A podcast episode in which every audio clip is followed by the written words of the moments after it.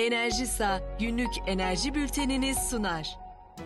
Enerji günlüğünden merhaba. Bugün 15 Eylül 2023. Dünyadan ve Türkiye'den enerji haberleriyle karşınızdayız. Ben Nilgün Mete.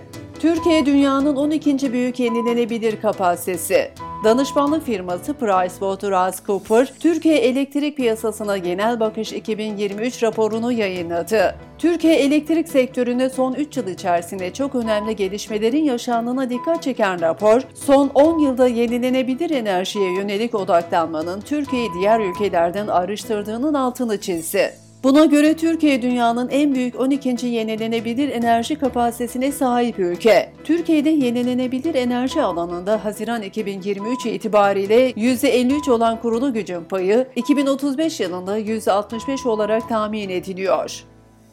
İBB dizel motorlu otobüsünü elektrikliye dönüştürdü. İstanbul Bilişim ve Akıllı Kent Teknolojileri Anonim Şirketi ile İETT'nin birlikte yürüttüğü elektrikli otobüs dönüşüm projesi karbon salımını azaltacak. Proje kapsamında 2024 yılı Şubat ayına kadar 10 otobüs daha elektrikliye dönüştürülecek. Proje sayesinde araçların karbon salımı sıfıra inecek ve yıllık 1 milyon 130 bin lirada yakıt tasarrufu sağlayacak.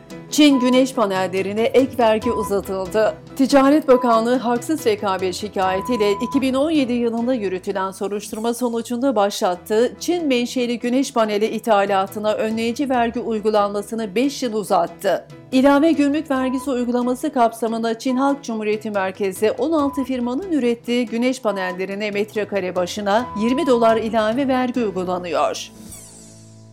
Enerji Bakanlığı'nın 3 üst düzey yöneticisinin görevine son verildi. Cumhurbaşkanı kararı uyarınca Enerji ve Tabi Kaynaklar Bakanlığı Hukuk Hizmetleri Genel Müdürü olarak görev yapan Süleyman Önel, Strateji Geliştirme Daire Başkanı olarak görev yapan Mutlu Koç ve Türkiye Kömür İşletmeleri Genel Müdürü ve Yönetim Kurulu Başkanı olarak görev yapmakta olan Hasan Hüseyin Erdoğan görevlerinden alındı. Pomega lityum iyon pil üretimini arttırıyor. Pomega Enerji Ankara Polatlı'daki batarya fabrikasında kapasite artışı planlıyor. Yaklaşık 1 milyar 808 milyon lira yatırımla hayata geçirilecek proje kapsamında lityum iyon pil üretimini yılda 2 milyon 700 bin adet artırmayı hedefliyor. Böylece tesise toplam üretim kapasitesi yılda 5 milyon 100 bin adede çıkarılacak. Edirne'de depolamalı GEZ kurulacak. Aksis Enerji Edirne'de 200 megawatt saat kapasiteli depolamalı güneş enerji santrali kuracak. Projenin değeri 1 milyar 529 milyon lira olarak hesaplanıyor. Sayın dinleyiciler, İskoçya hidrojenli ısıtmada liderliği oynuyor. Hidrojen Haber sitesinde yer alan habere göre İskoçya Enerji Bakanı Michael Matheson, elektrik şebekesi tarafından kullanılmayan fazla rüzgar enerjisinin ev ısıtması da dahil olmak üzere evsel kullanımlar için yeşil hidrojen üretmek amacıyla kullanılması gerektiğini söyledi. Bakan açıklamasında hidrojenli ısıtmanın elektrik talebini günün belirli saatlerinde azaltmaya yardımcı olabileceğini, bununla elektrik şebekesinin daha verimli çalışmasını sağlayacağını belirtti. Rusya'nın Çin'e kısa yoldan ilk elenci sevkiyatı. Rusya devletine ait doğalgaz şirketi Gazprom, sıvılaştırılmış doğalgaz sevkiyatını ilk defa Kuzey Deniz yolu üzerinden gerçekleştirdiğini açıkladı.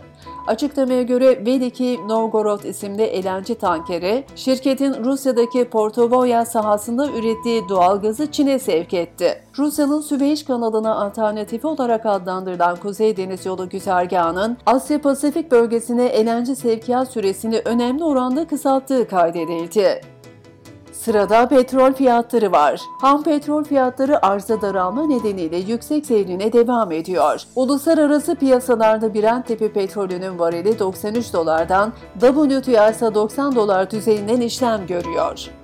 Bültenimizin sonunda spot elektrik fiyatlarına göz atıyoruz. Spot elektrik piyasasında 16 Eylül 2023 için megawatt saat başına kesinleşmemiş ortalama piyasa takas fiyatı 1994.16 TL olarak belirlendi.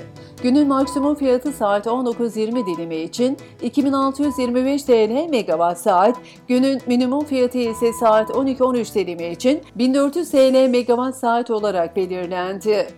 Enerji Günlüğü tarafından hazırlanan enerji bültenini dinlediniz. Hoşçakalın.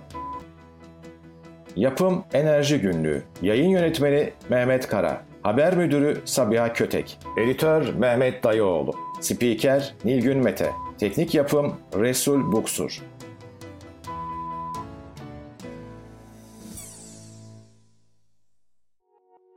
Enerjisa günlük enerji bültenini sundu.